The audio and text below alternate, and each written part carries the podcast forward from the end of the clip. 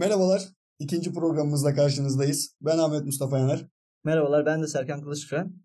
Öncelikle önceki bölümümüzde nasıl dönütler aldık? Ben açıkçası güzel dönütler aldığımızı düşünüyorum.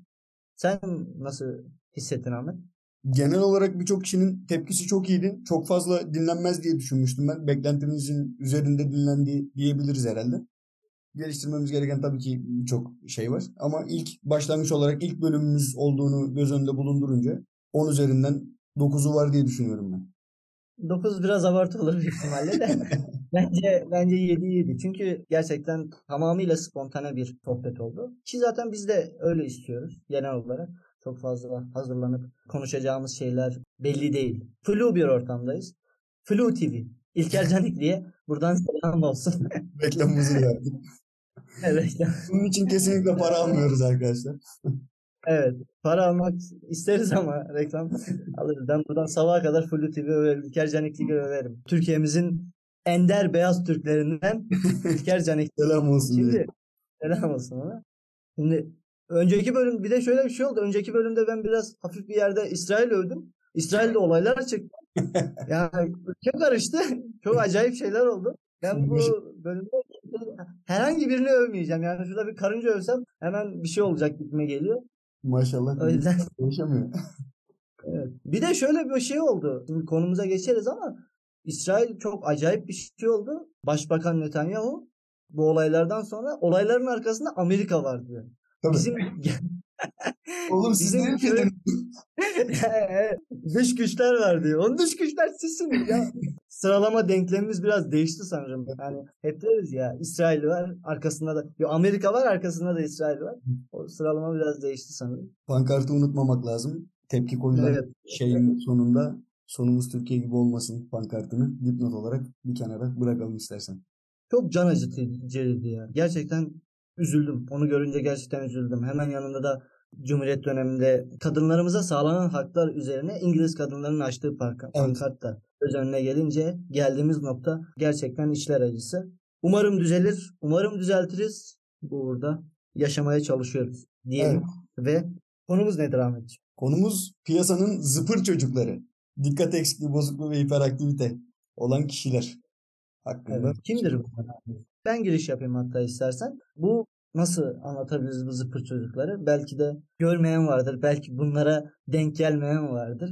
Yani şimdi çünkü bu çocuklar Arizona kertenkelesi muamelesi yapmak istemiyorum bu insanlara ama etrafımızda bunlardan çok vardır. Yani daha önce mesela toplu bulunan bir yerde bir yemek olur, bir doğum günü partisi olur.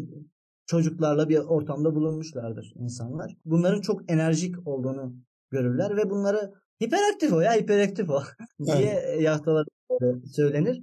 E, Bunlar çok enerjiklerdir. Bu enerji aileler ve öğretmenler için yorucu olur. Ama esasında çocukların o halde olması normaldir. Gelişme içerisinde normaldir. Normalize edilebilir. Fakat bazı çocuklarda bazı yetişkinlerde tırnak içinde ki o yetişkinlerden biri aramızda Yakınlarda. Bu bazı çocuklarda ve bazı yetişkinlerde dürtüsel davranışları kontrol edememe ve bir şeye dikkatini verememe normalin dışına çıkıp sorunlara yol açabiliyor. Bu böyle olunca bu insanlar, bu çocuklar normalin dışına çıkabiliyorlar diyebiliriz. İlk başladığın konuda bakınca çocukken herkes çok enerjiktir zaten. Yani biz kendi öğrencilerimizden bunu bizzat biliriz zaten. Çocuğu olanlar bunu yine aynı şekilde bilirler. Özellikle bu 3, 6, 7 hatta 3-10 yaş arası diyebiliriz herhalde buna. Çocuklar inanılmaz hareketlidir zaten. Hiperaktivite dediğimiz şey ekstra hareket halidir. Yani aktivitenin hype düzeyde olması, maksimum düzeyde olmasıdır zaten. Ama burada odaklanılan konu biraz daha farklı olmalı. O giriş kısmında söylediğin şeye kesinlikle katılıyorum ben. Ya işte hiperaktif o kısmıyla şu an aslında konuşacağımız deh olarak geçiyor kısaltması. Senin deyiminle. Haş kafayı. tamam. Bunu ayırabilmeyi ayırabilmemiz iyi olacaktır diye düşünüyoruz bunun hakkında. Bu yüzden konuşmak istedik. Az önce Zaz'ın da söylediği gibi ben de bu kişilerden birisiyim. Bu konuda geç tanı almış kişilerden birisiyim. Bu konu hakkında konuşmak istedik Zaz'la. Evet. Dışarıdan nasıl gözüktüğüne dair ilk baştaki en çok göze çarpan şeylerden birisi az önceki Zaz'ın örnek verdiği örneğin bir doğum günü partisinde ya da yemek yerken diğerlerinden daha fazla yerinde durmayan bir çocuk ya da diğerlerinden daha fazla hareket eden, durmadan ayağa kalkan, derste sürekli dolaşan vesaire gibi çocuklar ön plana çıkıyordur herhalde. Senin var mı Evet. öğrencilerin hiç? Benim var ya benim çocuklarım çoğu öyle. yani var. Çok fazla enerjik. Benim mesela Musa diye çocuğum var. Çok acayip ya. Çocuk, çocuğu yerinde durduramıyorum. Ama şöyle bir şey sorumluluk verince yapıyorlar. Zaten bence benim teori olarak bu ayırdı yapmamdaki turnusol sorumluluk vermek. Çocuğa bir sorumluluk verdiğin zaman bunu layığıyla yerine getiriyor veyahut getirmeye çalışıyorsa bence bu dikkat eksikliği ve hiperaktivite bozukluğu bunda varsa da alt düzeydedir diye ben böyle bir turnusol oluşturdum kendime. Kendime ve öğrencilerim. Şu anlık başarılıyım. Yani bilmiyorum öğrencilerim arasında dikkat eksikliği ve hiperaktivite bozukluğu olan yok gibime geliyor. Ama tabii olabilir. Sen mesela bugüne kadar 20 yaşına 25 yaşına kadar tanı konulmamış birisin. Evet. Bugüne kadar fark edilmedin. Benim fark etmem fark etmemem de doğal olabilir diye düşünüyorum. Tabii doğru söylüyorsun. E- Bu dikkat eksikliği ve hiperaktivite bozukluğu nedir? Ana tanım olarak önce bir girelim istersen. Olur. Bu konuda beynimizin prefrontal kortekste bir bozukluk olduğuna dair şeyler gösteriyor çalışmalar. Yani ön beyin kısmında karar verme kısmı ile ilgili bir problem yaşanıyor. Dikkatte kalma konusunda problem yaşanıyor diyebiliriz aslında. Yani beynin bu kısmında yani prefrontal korteksin özellikle hacmiyle ilgili bir problem olduğunu daha çok gözlemlemiş araştırmacılar. Birçok dikkat eksikliği bozukluğu, hiperaktivite olan kişi de bu prefrontal korteksin hacminin diğer kişilere göre daha küçük olduğu göze çarpmış. Peki neden oluyor bu diye bakacak olursak da bunun hakkında aslında net bir şey var denemiyor. Çünkü daha çok fikirler tabii ki bu doğmadan öncesi ile alakalı. Onu da bir netleştirmek lazım ama kimisi bunda genetik şeylerin daha fazla etkili olduğunu, kimisi de hamilelik esnasında annenin sigara kullanımı, alkol kullanımı yahut çevresel etkilerin de bulunduğunu söylüyor. Hamilelik dönemindeki bu etkiler de çevre etmenlerinden sayıldığı için ikisini de durumun içerisine katabiliriz aslında. Ama şu bir kesin aile içi yaşanan durumlar yani doğumdan sonrasında yaşanan durumlar ve çocuğun yetiştirilme biçiminin dikkat eksikliği bozukluğu, hiperaktivite konusunda herhangi bir etkisi yok. Eğer çocukta yahut yetişkine fark etmez. Var olan kişide böyle bir durum yani var ise bu tarz şeyler bu çocuğun davranım bozukluğuna yahut diğer bazı problemler yaşamalarına sebep olabiliyor. Evet ama durumun sebebi anlamında bir etkisi bulunmuyor bunların. Evet, gayet güzel özetledin. Esasında anlattığını özetlemek gerekirse sinir gelişimsel bir durum olduğunu söyleyebiliriz. Nedir sinir gelişimsel? E, Beynin büyüme ve söylediğin üzere şekliyle alakalı bir bozukluk bu. Bunları söyleyebiliriz. Bir de bu bozukluğun ana etmeni nedir? Dikkattir. Şimdi dikkat nasıl bir şeydir? Bir şeye öncelikle sormak istiyorum sana. Bir şeye dikkatimizi biz nasıl veririz sence? Yani nasıl dikkatin odaklarsın dikkatin? Burada hemen bir eğitim bilimlerine gidip geleyim hemen hızlıca. Önce bir e, dışarıda Bekliyorum. önce bir duyumsamamız gerekiyor bir şeyi. Duymamız gerekiyor. Yani bizim dışarıdaki bildiğimiz bu duyu organlarımıza ulaşması gerekiyor. Algılamamız gerekiyor ve bir kararla dediğin gibi buna yönelmemiz gerekiyor. Dikkatimizi buna göre toplarız. Yani bize gelen duyuların içerisinden bazı şeyleri seçeriz ve bunlara yöneliriz bakınca. Normal insan. Normal insan. Dikkat eksikliği bozukluğu hiperaktivitede çünkü bunların hemen hemen neredeyse tamamı diyebiliriz herhalde. Tamamı ciddi uyarıcılar haline geliyor ve tüm uyarıcılara dikkat vermeye çalışıyor. Dikkatin dağılmasının en önemli sebeplerinden bir tanesi de bu aslında. Evet. Bu dikkati sağlayan şeyler beynin bölümleri var. Bu bölümler. Bu bölümler nelerdir? Bahsettiğim üzere prefrontal korteks, bazal ganglia stitium diye geçiyor. Bu nedir bu? Prefrontal korteksi açıkladığım için onu açıklamadım, geçtim. Bazal ganglia motivasyona ve farklı davranış çeşitleri arasında seçim yapmaya yardımcı olur. Beyincik var. Bilgi işlemeye ve hareketleri kontrol etmeye yardımcı olur. Bir de corpus callosum diye bir bölüm var. Beynin farklı bölgelerinde, bölgelerindeki bilgileri birleştirmeye yardım, yardımcı olur. Bununla, bu işleyiş olmadığı zaman biz dikkatimize herhangi bir olguya, duruma, davranışa veremeyebiliyoruz. Biz dikkatimizi verirken esasen şöyle oluyor. Biz herhangi bir şeye dikkatimizi verirken etraftaki olan şeyleri atıyorum bir kitap okurken masanın gıcırtısı, sandalyenin gıcırtısı, lambanın sesi, saatin sesi bunları beynimiz otomatikman filtreliyor. Bu filtrelemeyi sağlayan şey de bu beynin saydığım bölgeleri. Bunların ortak kolektif çalışması. Bunlar çalışmadığı zaman dikkatimizi biz bu yöne tam olarak veremeyiz. İşte bu bölgelerin tipik olmayan şekilde işlemesi dikkat ve dürtüsel davranışla ilgili sorunlar yaşamamıza neden oluyor. Ve nitekim sonuç olarak da böyle bir bozukluk ortaya çıkıyor diyebiliriz. Evet. Dikkat ve dürtüsellik kısmına da değinmişken hemen birkaç alt grubuna da değinelim bu bozukluğun. Bir hastalık bir bozukluk, bir hastalık değil bir bozukluk olarak söylenmesi duyarını da kasalım geçerken burada hemen hızlıca. Gayet tabii. Alt kısımlarda birkaç farklı tipik özellik sergileniyor. Bunda gece nöbetçileri olan bir tip var. Gündüz düşçüleri olan bir tip var. Dikkatsizlik var ve bir de hiperaktivite yahut dürtüsellik olarak geçiyor adı. Bu seçenekler var diyebiliriz. Bunun üzerine çok fazla çalışma, çok fazla araştırma yapıldı. Birçok araştırmacıya göre bu alt gruplar birbirinden farklılıklar gösterebiliyor. Kimisi iki gruba ayırıyor, kimisi dört gruba ayırıyor diyebiliriz bunu. Peki bölümümüzün başında söylemiştin sen nedenleri nelerdir diye. Onları konuşmadan şöyle bir şey ekleyeyim ben. Hatta tekrardan söyleyeyim istersen. Asıl nedeni bilinmiyor. Sen evet. söyledin ama asıl nedeni tam olarak bilinmiyor. Birçok bir sebep öngörülebiliyor. Bunlar nelerdir? İşte önce beynin saydığımız yönleri, beynin işlevsel bölgelerinin kolektif çalışmaması, genler, genler genler özellikle önemli. Bir de toksitler bunlar hamilelikteki toksitler var. Şimdi bazılarına şaşırtıcı gelebilir ama yapılan araştırmalara göre mesela bir çocuk çok fazla şeker yiyorsa, çok fazla televizyon izliyorsa veya karmaşık bir aile düzeninde bir Kürt ailesi veya benim gibi zaza bir ailedeyse, kalabalık bir ailedeyse bunda bu kalabalığın bu e, kaosun onda daha fazla yol açtığı DHB'ye yani dikkat eksikliğine daha fazla yol açtığı düşünülüyor. Ama esasen bu tam olarak böyle değil. Dikkat ve odak sorunu olabiliyor. Ama bu dikkat eksikliği ve hiperaktivite bozukluğundan farklı. Çünkü bence bunun sebebi bence şöyle. Çocuk bu kadar çok uyaranın içerisindeyken daha dikkatini istediği yönlere daha çok evirebiliyor bence. Diye devam edelim. Tamam. Şimdi şuna geçelim. Sence yani sence değil bu araştırmalar üzerine sen konuş istersen. Dikkat eksikliği ve hiperaktivite önlenebilir mi? diye bir soru sorayım sana. Önlenebilir mi? Bu kısma araştırmalar ve işin bilim tarafından bakacak olursak öncelikle bunun için neler kullanılıyor? Bunun için dopamin ilaçları ile birlikte bazı tedaviler uygulanıyor işin ilaç kısmında ve bununla birlikte bilişsel ve davranışçı terapiler uygulanıyor. Önleme noktası ile ilgili.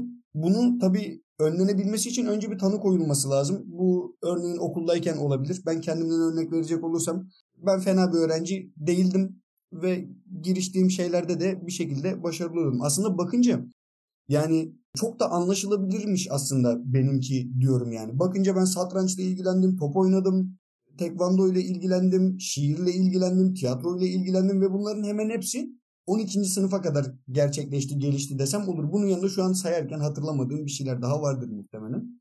Yani bu kadar fazla şeyle neden ilgilendin? Ne, neydi yani seni buna iten şey diye bakınca o günlerde ben buna dair kendi içimde bir cevap bulamıyordum mesela. Bunun fark etmem 20-25 yaşıma kadar sürdü. Aslında hatta bunu ben de fark etmedim.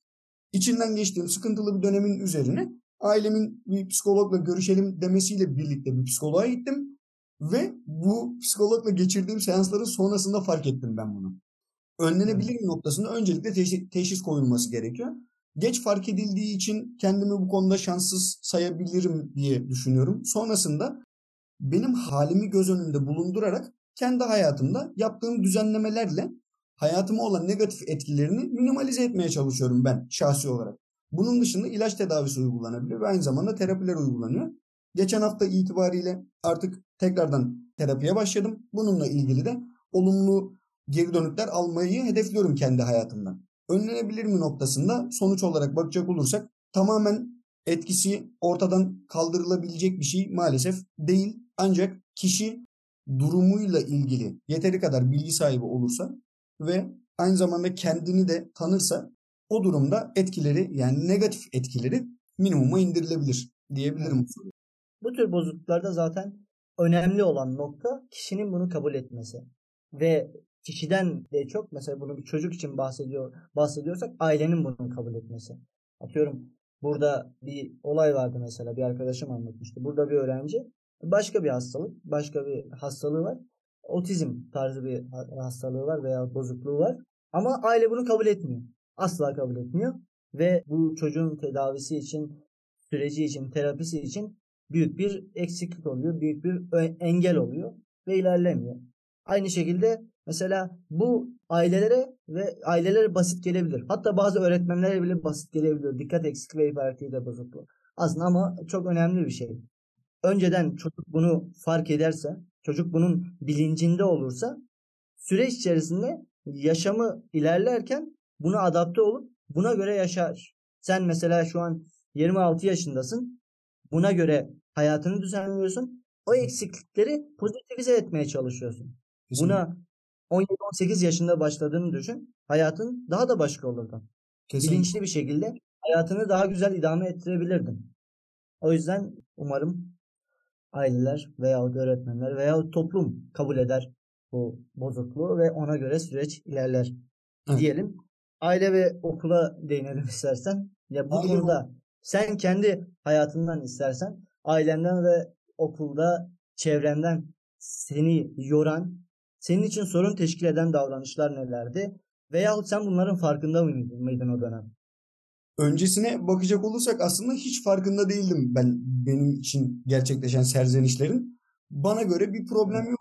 Yani bununla ilgili hani bir problem yaşadım mı diye bakınca bununla ilgili şu an yani bu kayıt 30 dakika sürecekse 3000 dakika falan yaşadığım problemleri işte farklı farklı anlatabilirim herhalde. Neler oluyor peki? Ben, en önemlisi, ben anlatabilirim. en önemlisi şu oluyor. Bir yere gittiğinde ya da odak başka bir yere kaydığında diğer şeyler senin için asla artık var olmuyor. Ve bu konudaki o şeyin ya da o varlığın her kıymetinin seviyesinin bir önemi yok. Örneğin mesela işte ailemin bir serzenişini hatırlıyorum. Otobüse bindirdiler beni lisedeyim misal. Otobüse bindirdiler yola çıktım. Sonrasında bir çocuktan ailesine hangi haberin gitmesi beklenir öncelikle? Vardın mı? İşte ulaştın mı? Bir problem var mı yok mu? Ben giderim. Otobüse bindiğim anda benim için hayat otobüstür. Otobüsten indiğim anda örneğin liseden örnek verdik. Yurda gittim benim için artık hayat yurttur. Ailem yoktur benim için. Yani tabii ki bunu böyle söyleyince biraz tuhaf geliyor ama bana onu hatırlatıcı herhangi Gerçekten bir şey... öyleydi. Evet. Bana bunu hatırlatıcı herhangi bir şey olasıya dek bununla ilgili herhangi bir noktada eyleme geçmiyorum. Haliyle ailemi aramıyorum. Bu konuyla ilgili ailemin birçok serzenişi oldu. Aramayı unuttuğum insanlar, söz verip o sözü hatırlamadığım için tutmayı unutup da mahcup olduğum insanlar gibi gibi birçok evet. örnek verebilirim. Okul tarafında da yine aynı şekilde ödevlerden direkt pay biçebiliriz herhalde. Az önce sorumluluklar konusuna da değinmiştik zaten. En önemli sorumluluklardan bir tanesi okul için bakacak olursak bana verilen ödevin yapılması hususunda. Mesela en önemlisi bence okulu 7 senede bitirmiş olman abi. Bunu es geçme. Tabii bunlar evet buna iki aşamalı değinelim istersen. Öncelikle evet. üç aşamalı değinelim hatta Azaz. Lise 1'deyiz. Lise 2'de alan seçeceğiz. Of benim canım bir yabancı dil okumak istiyor anlatamam sana. Neden istiyor bilmiyorum ama. Hani dilin çok mu iyi? Lafın arasına, lafın arasına gireyim özür, özür dilerim. Senin bu bozukluğunun en önemli bence belirtisi. Ben bunu biz üniversitedeyken veya yan yanayken ben bunu sürekli söylüyorum. Sen sürekli bir şey istiyordun. Bir markete giriyoruz. Canım şu çikolatayı da istiyor. bir yere gidip bir şey yiyeceğiz. Onu da istiyor. Onu da istiyor. Ama neden Ahmet? Neden? Aç mısın? Canım yani Buna ihtiyacım var yok. Canım istiyor. Canım canım istediği her şeyi yapmak durumundaydın. Evet. Onu bir zorunluluk yapıyordum. Ve ya mesela o dönem mesela üniversiteden sonraki bir iki sene de bu vardı. Ben sana ne yapalım dersem sen asla bana hayır demedin. Hiç demedim. Hiç demedim. Ama diyorsun şu an. Evet. Artık diyorsun. Bir zemine oturdum. Biraz hayatını realize ettin. Artık daha oturaklısın. O yüzden yani eski halin daha iyiydi. Şu anki halin mi? Ona tam şu an karar veremiyorum. Zaman gösterecek. Ama o dönem mesela etrafımızdaki arkadaşlar falan bir şey olduğu zaman ben diyordum. Bir, bir şey mi yapacağız? Tamam Ahmet'i çağıralım. Ahmet Ahmet başladıysa Ahmet geldiyse o iş ilerler veyahut o ister. O kesin ister. Kimse istemiyorsa da bunu Ahmet'le yapabilirim diye Evet. düşünüyorum. Bununla ilgili o Evet. zaman negatif şeylerden çok bahsettik. Hemen hızlıca bir tane pozitif bir şeye değinelim. Bu durumun eksileri olduğu kadar artıları da var aslında. Tabii bunları Gayet kullanmak lazım diyelim. Şöyle ki işte az önce bahsettiğim gibi işte gelir zaten ve bir şekilde ilerletiriz kısmı. Örneğin işler açısından bakalım mesela. Diyelim ki X bir sorumluluk var. Ola ki benim yahut burada ben dikkat eksikliği bozukluğu hiperaktivite bulunan bireylere temsilen bir kişi olarak olduğumu farz edelim. Bununla ilgili bir şey öğrenilmesi, bir şey araştırılması ya da bir şey yapılması gerekiyor örneğin. Normal bir insan yani dehbin dışındaki normal bir insan bunu 10 günde yapacaksa bu benim birkaç günümü alıyor. Çünkü ben deli Evet. gibi deli gibi bununla uğraşıyorum. Müthiş yani. Ekstra fokuslanıyorum ona. Sınavdan önceki gün böyle 2-3 günde veya bir haftada bitirilecek şeyi 2 saatte okuyup bitiriyordum ve bunu yaparken müzik dinliyordum. Müzik de öyle fon müziği tarzında piyano falan değil böyle. Ee, ne bileyim caz falan değil böyle. Ne Türkçe rap. Bangır bangır ne oluyor çalıyor arkada. Sen kulaklıktayken çalışıyorsun. Evet. Nasıl yapıyorsun anlamadım. Evet. Bunu da artılar. Bunu da artılar hanesine yazabiliriz. Doğru söylüyorsun. Bunu da yazabiliriz. Az önce konuyu bu hemen konuda- tamamlayalım mı? Lise 2'ye Evet. geçerken alan seçimini yaparken yabancı dil seçmeyi çok istedim. Müdürüm vasıtasıyla vazgeçirildim bundan. İyi mi oldu kötü mü oldu bilmiyorum. Canım istemişti ama. Devam ettim. Lise 4'e geçerken bir şey furyası başlamıştı. Açığa geçme furyası başlamıştı. Oğlum biz de açığa geçmemiz lazım falan. Az daha açığa geçiyordum. İyi ki geçmemişim. Devam ettim. Üniversiteye geçtim. Üniversitedeyken başka bir işle uğraşmaya başladım. Kendimi tamamen ona verdim. Okulu bıraktım üniversite 3'te. 3 bitmiş oğlum artık. Devam etsene yani. Bir sene daha devam edeceksin ve bitecek. Üniversite 3'ü bitirmiştim hatta. Son bir senem kala okulu bıraktım. Daha sonrasında tekrardan geriye dönüp okulu bitirdik. Bununla ilgili kendini tanıdığın zaman ne oluyor sorusuna aslında hemen küçük bir parantez açıp bununla tamamlayayım. Kendini tanıdığın zaman şu oluyor. KPSS diye bir sınava girdik ve bu sınava normalde insanlar ortalama bir sene kadar bir sürede hazırlanıyor. Ben bu sınava toplam 3 ay hazırlandım. Bunu ekstra bir şey iddia ettiğim için söylemiyorum. Ben buna 5 ay hazırlanacak olsam ben buna 5 ay hazırlanamazdım çünkü. Çünkü bu 5 ay benim için çalışma süresi olarak görmüş olsam ben bunu maksimum 2-3 hafta çalışıp sonrasında tamamen bırakacaktım. Son 3 ay kala oturup normalde kendimi bilerek ne yapmam gerekiyorsa bunda ekstra fokuslanıp ekstra çabalayacağımı da bildiğim için yine aynı şekilde bu 3 ayda maksimumu verdim ve bir sonuç aldım diyelim. Evet. Ben o dönem sen kapasite hazırlanırken ben askerdeydim. Sürekli çalışmıyordum. Canın istemiyordu gene çalışmayı. Evet. Ben askerdeyim. Dışarıdan birinin beni bitirmem konusunda motive etmesi lazım. Askerliğin full seni motive etmek uğruna, ders çalışman uğruna veya hayatındaki başka sorunlarla uğraşmak uğruna geçti. Evet. İyi ki de geçmiş. Güzel oldu senin için. Ama yani bu hayatta ben çoğu kişi diyorum. Benim tanıdığım insanlar arasında bir şey yapmak isteyip bunu gerçekten kafasına koyup onu yapamayacak asla bir düzeyin yok. Her şeyi yapabilirsin. Bu konuda kesinlikle takdir ediyorum seni. Ben o kadar mıyım? Ben değilim. Ben de mesela bende bir tembellik var. İşleri yarım bırakma var. Sende de var o. Sen onu e, ama sen tam olarak kafana koyduğun zaman e, yarım bıraktığın şeyleri de tamamlayabiliyorsun. Devam ettirebiliyorsun ve yaptığın şeyi en iyi, en ideal şekilde yapıyorsun. Bu biraz da şey Karakter, mükemmeliyetçilik de var sen. karakteristik Karakteristik. ayrışma kısmı diyebiliriz ona aslında. Evet. evet. Şimdi. Ama bu güzel bir şey bence. Kesinlikle. Peki dışarıdan nasıl gözüküyor? Yani bir arkadaşın olarak uzun süredir böyle bir bireyle yan yana olarak sen neler hissettin? Neler hissettiğin anlar oldu? Yani zor bir süreç. Atış serbest söyle. Geçen,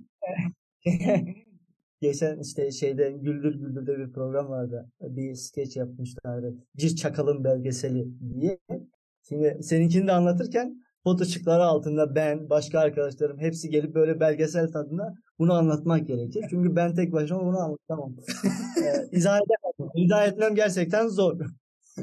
belgesel tadında olması lazım. Bir Ahmet Mustafa Yanar'ın hayatında olmak, onunla onunla uğraşmak, onunla yaşamak diye bir belgesel bir gün yapılabilir. Buradan Netflix'e sesleniyorum. Gelsinler güzel bir Bununla ilgili şey imza atalım. Bununla ilgili benim de bir serzenişim var. Özellikle yakınlarımdan başlayarak. Biliyorum hayatınızda olmak evet gerçekten çok zor. Ya abi bir de beni düşünün ya. Siz en azından arada bir uzak kalabilirsiniz bundan. ben hiç uzak kalamıyorum. Az önceki ihtiyaçlar konusu mesela. Yani ihtiyaç da değil aslında örneğin işte çikolata örneği yahut diğer şeyler konusuna bakacak olursak mesela. Evet canım bazı şeyler istiyor. Her insanın canı bazı şeyler istiyor. Bunda problem yok zaten. Evet, evet. Ben, benim bir şeyi canım istemeye başladığı andan itibaren odağımı artık ondan ayıramıyor hale geliyorum. Odağımı ondan ayıramamamın bir sonraki aşaması bunu bir gereksinim olarak görmem, daha sonra ihtiyaç olarak görmem diye katlanarak, katmerlenerek gidiyor. Geçenlerde sen zaten biliyorsun hali hazırda motor alma hevesim, motor alma isteğim vardı. İşin gerçekçi olarak bir de ihtiyaç boyutu da vardı aslında diyebiliriz herhalde. Ve ben bundan vazgeçtim. Çünkü mantıklı bir karar değildi. Bir süredir bu tarz şeylerle şeylerden vazgeçerek kendimle ilgili bazı şeyler deniyorum. bundan bundan vazgeçtikten sonra bir ara şöyle bir depresif moda girdim. Sonra dedim ki Ahmet senin zaten algın birazdan değişecek. Sen istesen de depresyona giremezsin. İçinden de böyle çıkmıştım yani. Sen Bihter Ziya gelsin. Kendini Esasında zaten o depresif hale bürünmen bu yola girmemize biraz sebep oldu. Evet. Ee, o depresif halinin ana etmeni neydi? Biraz üretken olmaman, istediklerini tam olarak gerçekleştiremiyor olman evet. ve bir başladığın şeyleri başladığın şeyleri bitirememen di. Yani bitiriyorsun ama bazı şeyler yarım kalıyordu. Bu senden de kaynaklanan, kaynaklanan bir şey değildi. Aynı şekilde benim de başlayıp bitiremediğim şeylerin evet ben, benden kaynaklanan şeyler var tabii. Gayet tabii ama benden kaynaklanmayan birçok şey var. Ben söylüyorum yani bu bizim ülkemizde yaptığımız davranışların ve üzerine uğraştığımız şeylerin çoğu bizim dışımızda gelişiyor. Çevresel etmenler üzerinden okunabilir bunların çoğu. Çünkü kendi özgürlüğümüzün sınırları içerisinde değiliz. Birey değiliz bence bizim ülkemizde. Bunun sebebi de aile ve toplum. Aile ve toplum kişinin birey olmasını engelleyen en büyük etmenlerden biri. Sürekli baskılar. Kendini sürekli bir cadı kazanında hissedersin. Bundan sıyrılabilmek biraz zor. Biz bundan sıyrılabilmek için böyle bir nefes alacağımız bir alan seçtik ve burada konuşuyoruz. Gayet de güzel oluyor. Ben çok mutluyum. Umarım da devam eder. Bakalım. Şey bir, şey, bir soru soracağım sana. DHKPŞ'den. Dikkat aktivite bozukluğuna döneyim. Orada garip bir sorun var sana. Dünyanın her yerinde görülüyor hemen hemen. Fakat deh oranının eğitimin zorunlu olduğu toplumlarda daha fazla olduğu görülüyor bir araştırmaya göre. Sence bunun sebebi nedir? Bir temellemeyle başlayalım istersen bunu. Az önce bir kısımdan bahsetmiştin ya. Burada özgür olmadığın anlarda de tamamen bir zulme dönüşüyor senin için. Çünkü yapmak istediğin bir sürü şey var. Bunun ne olduğu önemli. İlla ki bir şey almak zorunda değilsin. Ayağa kalkmak istiyorsun. Kalkamıyorsun. X, Y, Z. Bir şeyler yapmak zorundasın. Yani sen zorunda hissediyorsun. Ancak yapamıyorsun. Bu çok önemli bir kriter. Bunun hemen peşine zorunlu eğitimi bağlayacak olursak eğer burada öncelikle iki faktör önemlidir diye tahmin ediyorum. Okuduğum şeylerden de anladığım kadarıyla bu böyle gelişiyor. Birincisi daha fazla zorunlu eğitim olan bölgede eğitim daha fazla geliştiği için buradaki öğreticilerin, öğretmenlerin bu konudaki karar merci tarafında bulunması sebebiyle daha fazla fark edilir olması seçenek bir. Bir diğeri de zorunlu olduğunda bu zorunluluk hali direkt olarak bir sorumluluk, direkt olarak içinde bulunulması gereken bir durum, bir hal gerektiriyor ve dehli birey için bu haliyle oldukça zor bir süreç. O yüzden zorunlu eğitimin bulunduğu yerlerde bu tanıya, tanıyla daha fazla karşılaşmak oldukça normal. Esasen şöyle de diyebiliriz yani dikkatin ve bu kontrolün, davranışsal kontrolün, dürtülerin başarı için gerekli olduğu, bunun başarı için gerekli kriter olduğu düşünülüp ona göre çocuğun üzerinde bir baskı oluşturuyor bence. Kesinlikle.